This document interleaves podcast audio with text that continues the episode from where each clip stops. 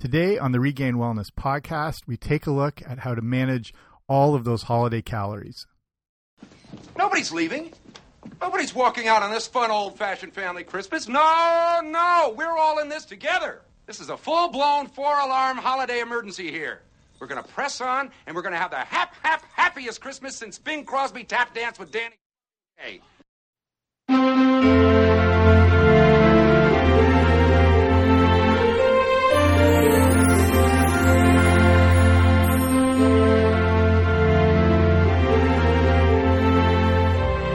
Hey there, what's happening? Welcome back to the Regained Wellness Podcast. I'm Jamie. I run regainedwellness.com. And this would be, I guess, the Christmas slash holiday special, if you want to call it that. And what this is, is a look at the time of year where it's basically the avalanche of food and excess and all that stuff that just sort of comes at you in like a tidal wave and you you are say like Canadian like me, we have an earlier Thanksgiving. It's in October, so there's that little bit of gap between then and when the sort of you know holiday season kicks off. If you're American, it's a little different. This year, with Thanksgiving being on November 28th, it's there's really not a huge gap in between the Thanksgiving festivities going into Christmas or Hanukkah's or whatever. And it's almost like the day Halloween falls, the day after is sort of when the like eating season begins, if you want to call it that. You know, from all the excess of Halloween candy, whether you have a ton left over from giving it out or kids that have it, then into Thanksgiving, then into um, the holidays and Christmas, and then into New Year. It's a good, like, honestly, five or six weeks of straight eating. There's less activity. You're running around more. Things are busy, which is good. It's, you know, that's the time of year. And this is just going to be a look at how you can manage all those things, but still, you know, enjoy yourself. Because the, the main, if you're going to take one thing away from this, um, to sum it up, my main tip is to indulge, but don't overindulge. Don't prevent yourself from enjoying all these things in that time of year. But, you know, if you've been active with being as healthy as possible and being as fit as possible, what are things you can do to kind of navigate through all this and manage it the best uh, you can while still again enjoying yourself. So we're going to look at a bunch of ways you can do that. So like I said, depending if you're listening to this when this show comes out or within a few days, you know it's kind of all about to go down, not just your bank account, but the, you know, tidal wave of food that's about to hit. So, you know, how do you get through the minefield of Toblerone and gingerbread houses while, you know, still trying to be as active as possible, but you know, when the weather starts to set in, it's a little tougher to get out. It's a little tougher to get to the gym. It means scraping off your car and trying to plow through the excess of traffic and bad street conditions and even going out for a walk becomes difficult. So, you know, it's again depending where you live in the world, this becomes a bit of a hibernating season and your body goes into you know a bit of that hibernation mode and then when you add this to all the um, excessive food and the constant consumption of you know generally higher calorie sugar laden treats and richer foods weight gain is very um, inevitable at this time of year so here's a few things that you can do we'll look at four specific things to kind of minimize that, you know, um, potential for weight gain and to stay as healthy as possible as you can.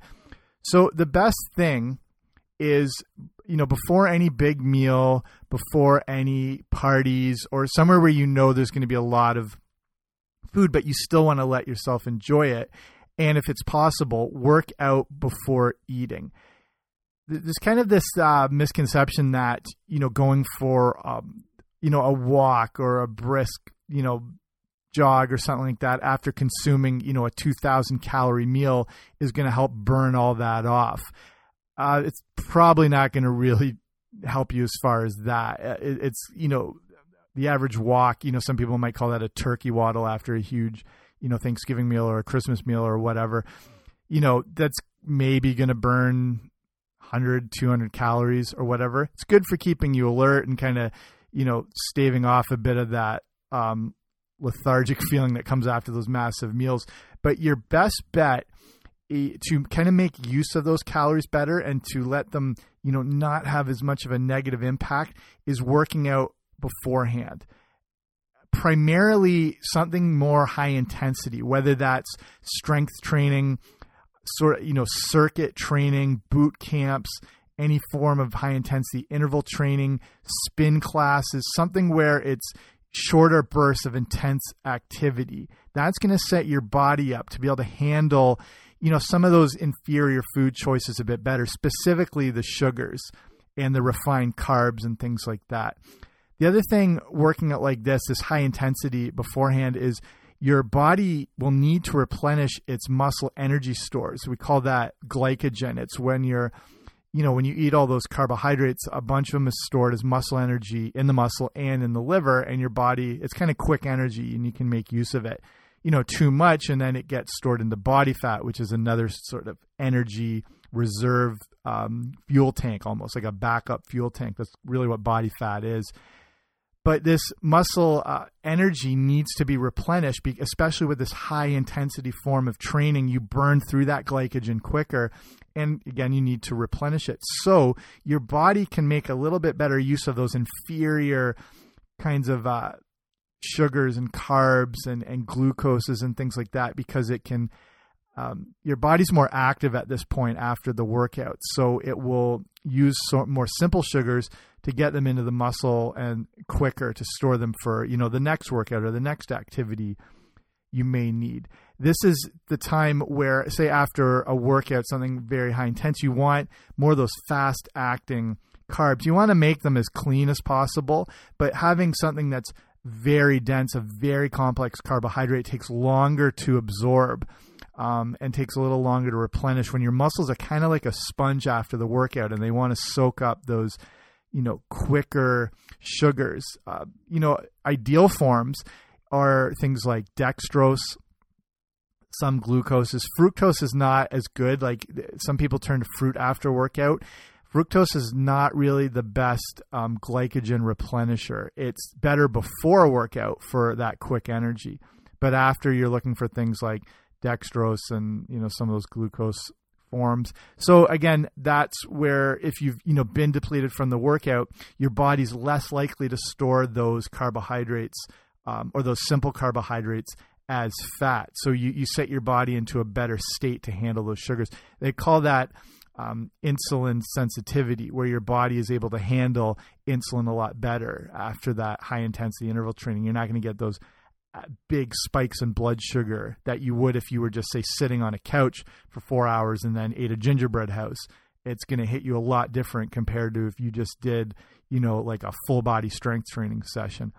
Also, if you do perform one of these high intensity workouts, whether it's again weight training, um, honestly, even doing a 10 to 15 minute high intensity spin sort of workout where you go for 60 to 90 seconds at a really high pace, then back it off for, you know, 100, 120 seconds for a recovery round, and then do, you know, five to eight rounds of that. Just that short period of time helps create again more of these systems in the body that are more conducive to handling inferior types of food when you work out in this high intensity fashion it creates an afterburn type effect. They call it excess post exercise oxygen consumption.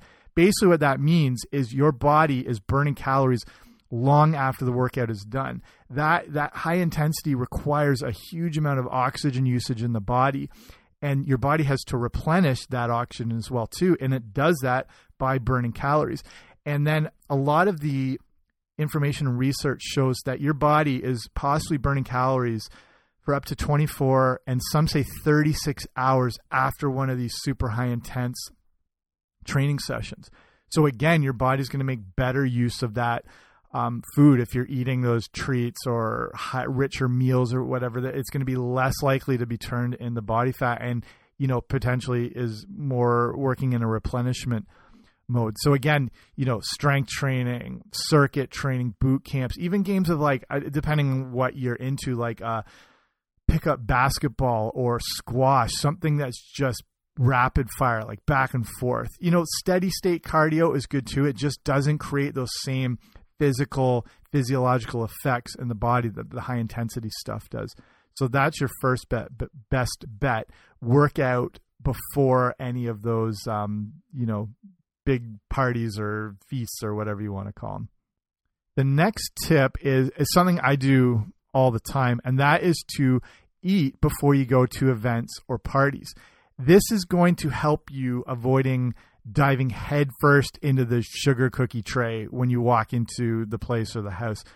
When you're really hungry, your body wants quick energy, and usually that's going to center around those really calorie dense but low nutrition foods that contain a lot of sugar, fat, starches, things that are like instant gratification, instant calories um, but you know, again, aren't providing nutrients or anything like that. Your body, it's really your brain wanting it at that point. When it's lower in glucose and blood sugar drops, your brain is kind of demanding that quick um, access to glucose because it can run off that. Especially if you're eating that all the time, it's just more conditioned to, you know, crave those types of food again like our bodies and the brain like they are programmed to crave those things but the problem is the ver like you know craving sugars and whatever. But the problem is the versions of these type of things have become very artificial and synthetic and manufactured, whether it's refined flour or high fructose corn syrup or added sugars.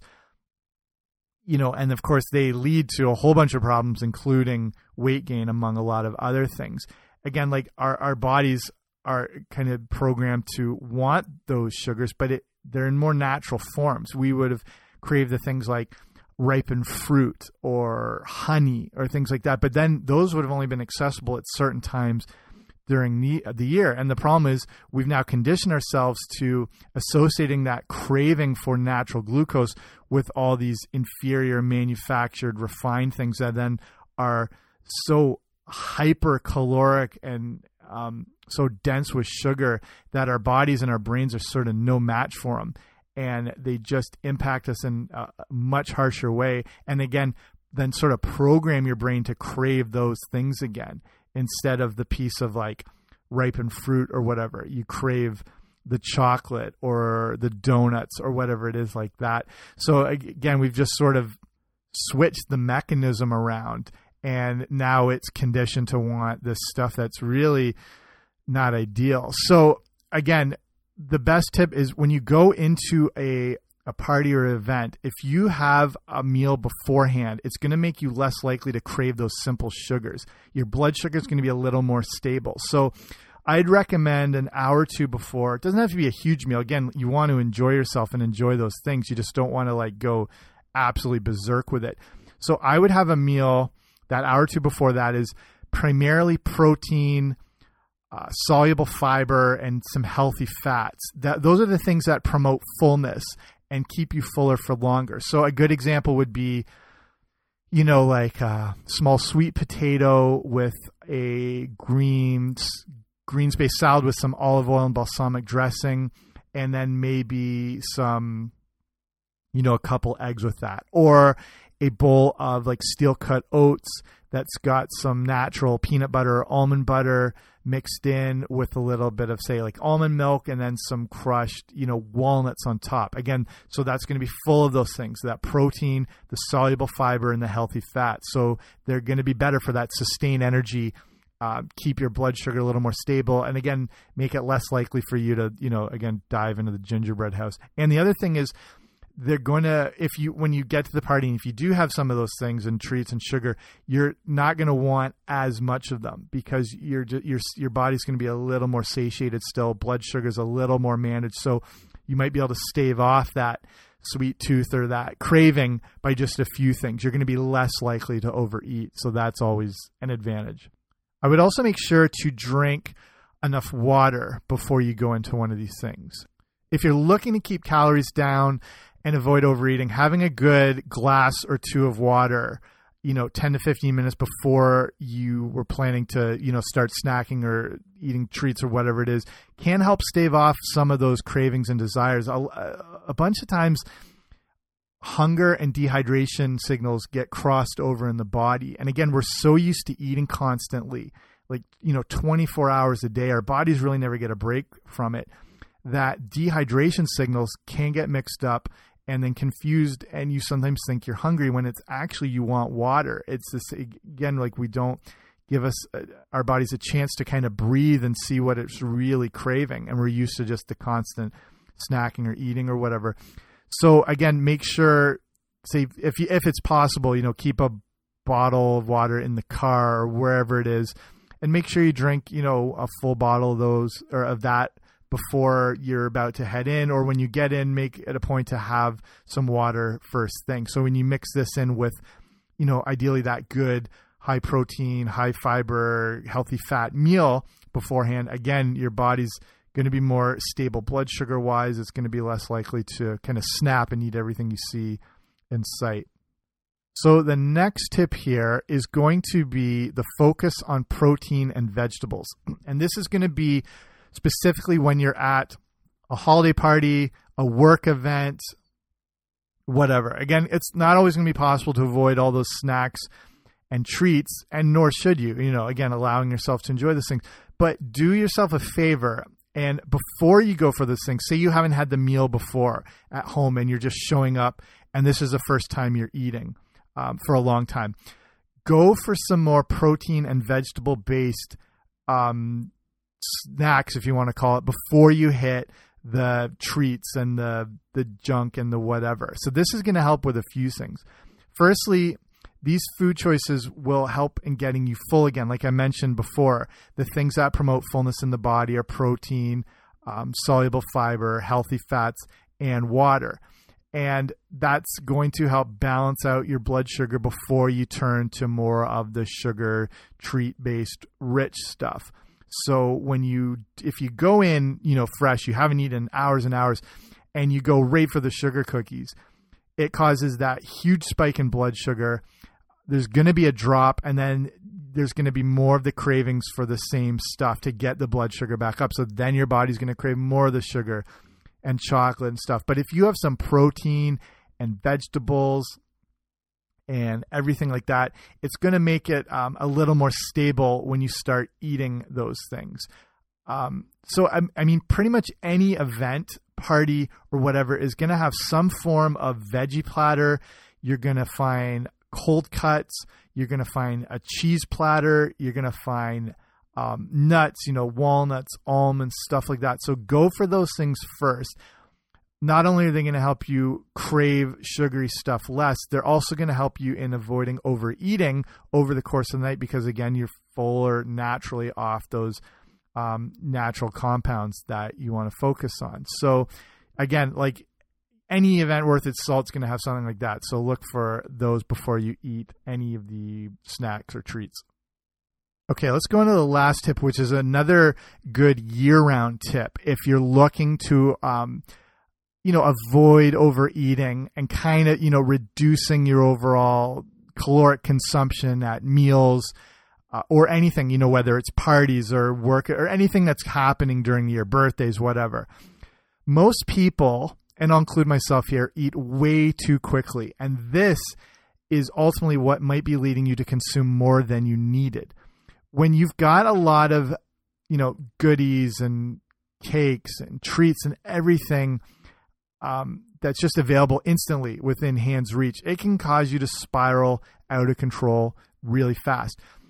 When you slow down your eating time, you allow your body's natural fullness signals to reach the brain eating should really take at least 15 to 20 minutes for this mechanism to engage. Some say it can take, you know, 7 to 10 minutes, but 15 to 20 minutes seems to be a good rule of thumb to let your body get full naturally. And again, you have these like stretch receptors on the stomach and when you've had enough, they help to signal to the brain that you're full. And then there's hormones like leptin that are involved with again telling the brain you've had enough. When you eat too quickly you override all that stuff and you end up eating a lot more than was necessary. You ever notice like some meals or you've got in and you've eaten so fast and you're hungrier after than when you ate that's sort of this mechanism happening um, in in real time again, most people are eating meals within three to five minutes, if not faster. So again, you you just you give your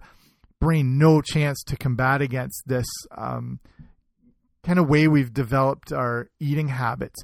And this is why, again, you want to slow down and really take your time chewing your food. That's not only going to help with digestion and absorption, it's going to help you take that longer time to eat and, again, let those natural fullness signals reach the brain. So when you're starting to eat at whatever it is, if it's a work dinner or um, a get together, or even if it's like a stand up buffet, keep an eye on the clock or your watch or whatever it is and try to take at least that 15 or 20 minutes to finish your first main whatever meal or serving before you go back. And that way you'll actually realize if you were full enough or if you've eaten too quick and you actually had enough but your brain doesn't know it you continue to eat. And that way that's how you're consuming an abundance of calories that were probably not needed. If it's something where it's like a meal where it's a sit down dinner and it's you know this might just not be possible to sort of navigate the time at least be the last one to finish and then take your time chewing again that's going to help slow down everything um, and make it less likely to overeat and again this slowing down and this chewing so much better and um, easier on your digestive system and again when it, people so like people again me guilty sometimes you're eating meals in 30 seconds. You, you probably noticed this. Like it's just bam, bam. You, it's like two or three chews down the hatch, and you're done. That that plays havoc on your digestive system. Like your digestion really starts in the mouth and chewing enough and the release of like salivary amylase and that's breaking down the food so it's easier when it gets into your gut and all that sort of thing. But when it's like one, two, and down, um, that's leading to bloating, cramping, gas, nausea, all that stuff. So, this is just a good tip you should follow uh, all the time anyway. Okay, so let's wrap it up here. I think those are good tools to kind of have in your nutrition tool belt, if you will, to navigate through the holidays and the eating and the new year and all that stuff. And again, this is I don't know if this sounds um, like counterintuitive, but I think the idea is not depriving yourself because I think thinking you can't have things and you're not allowed to touch this, I, I think that is damaging psychologically. You, do deserve these things, and you definitely deserve them at this time of year. And it's just if you if you want to stay on top of all that good health and nutrition work you've been doing over the rest of the year, it's um, just being strategic and smart how you do it. And again, indulge, but just don't overindulge. And I really think that's the best way to sum it all up. Okay, so that's it for me. Hopefully, you like this. Um, if you haven't already, make sure you subscribe to the show wherever you find your podcast. I should be there. That way, you get the shows automatically sent to you. If you really like it, leave it a rating and review. That helps it all out. Or don't. I'm good either way. But enjoy the holidays, enjoy this time of year, and I'll talk to you soon. Bye.